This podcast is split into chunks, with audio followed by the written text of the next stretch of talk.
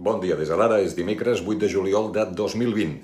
Farà molta calor avui, Miquel Bernis? En farà una mica més que ahir, tot i que el canvi es notarà sobretot al Pirineu i a Ponent. A la tarda arribaran bandes de núvols prims per l'oest i podrien descarregar alguns xàfecs puntuals a les Terres de l'Ebre i al Pirineu Occidental. La mascareta serà obligatòria al carrer tot i la distància de seguretat. El govern dirà avui, molt probablement, si estén la mesura ja vigent a Lleida a tot Catalunya. El Procicat haurà d'aprovar aquesta mesura en una propera reunió extraordinària, ja dic que probablement avui, però l'ús de la mascareta en qualsevol espai públic, sigui obert o tancat, i malgrat que es pugui mantenir els dos metres de distància, sembla imminent.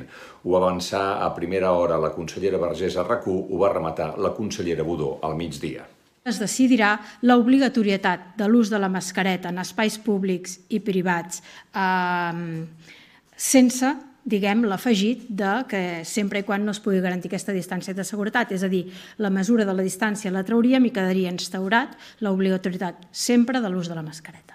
Com a norma general, s'haurà de dur sempre la mascareta, sempre, excepte amb els convivents. Mentrestant, les dades de Ponent són preocupants. La xifra de nous positius continua a l'alça al Segrià, 74 casos en només 24 hores, vinculats a almenys 14 brots actius, i la taxa de contagis és 20 cops superior a la de la resta del país. Si l'evolució continua empitjorant, el govern no descarta ordenar el confinament domiciliari de la zona. I ahir al Parlament es va celebrar un ple monogràfic sobre la gestió de la pandèmia a les residències de gent gran.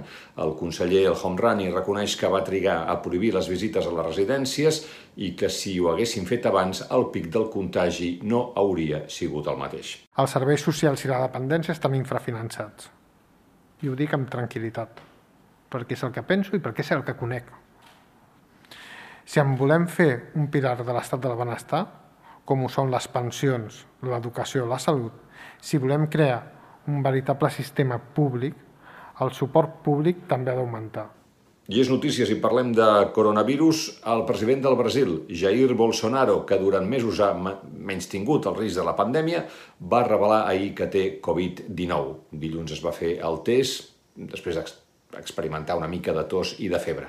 Va dir als periodistes, estic bé, no hi ha motius per tenir por, és la vida.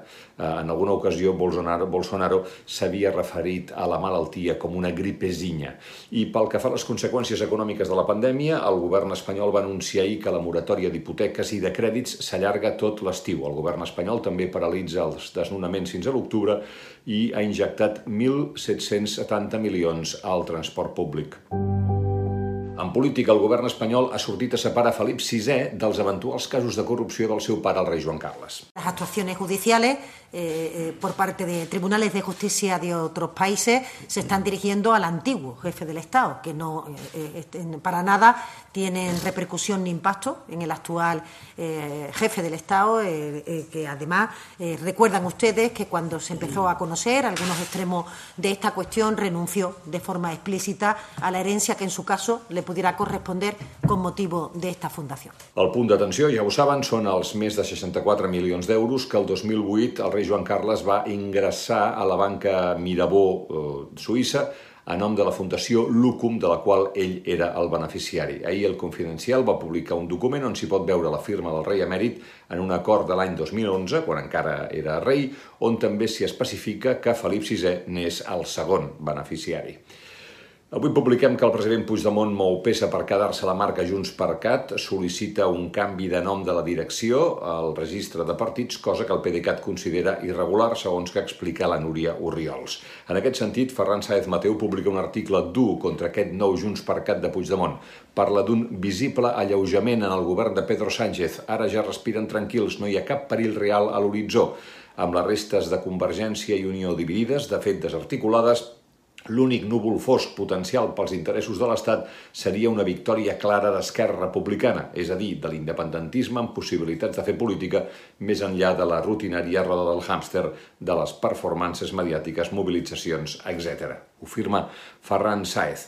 I continua sense haver-hi data per la segona reunió de la taula de diàleg. La consellera portaveu Budó va demanar al govern espanyol que digui dia i hora per continuar el diàleg iniciat fa cinc mesos. Des de la Moncloa, però, demanen a Junts per Cat i Esquerra que aclareixin eh, entre ells la posició de si volen mantenir ara una trobada al juliol, perquè consideren que el president de la Generalitat, Quim Torra, està sent erràtic i no deixa clares les seves intencions.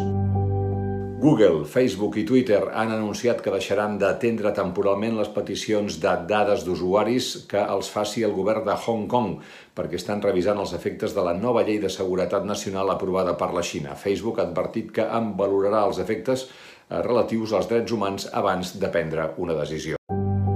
Els esports, aquesta nit a les 10 tenim derbi, Barça-Espanyol. Si el Barça guanya, l'Espanyol baixarà a segona aquesta nit mateix, després de 27 anys seguits d'estar a primera divisió. L'últim apunt, Després de setmanes de dubte sobre el seu futur, TV3 va anunciar ahir que el Polònia i el serial Com si fos ahir es tornaran a emetre a partir de la primera setmana de novembre.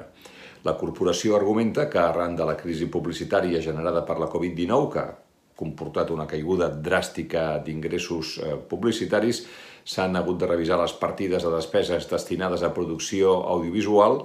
Es creu que es compta de moment amb 15 milions d'euros menys dels que s'havien pressupostat i per això el Polònia i la novel·la de la tarda tornaran al novembre i no al setembre. Fins aquí les claus del dia. Tornarem d'aquí uns minuts amb l'anàlisi de l'actualitat.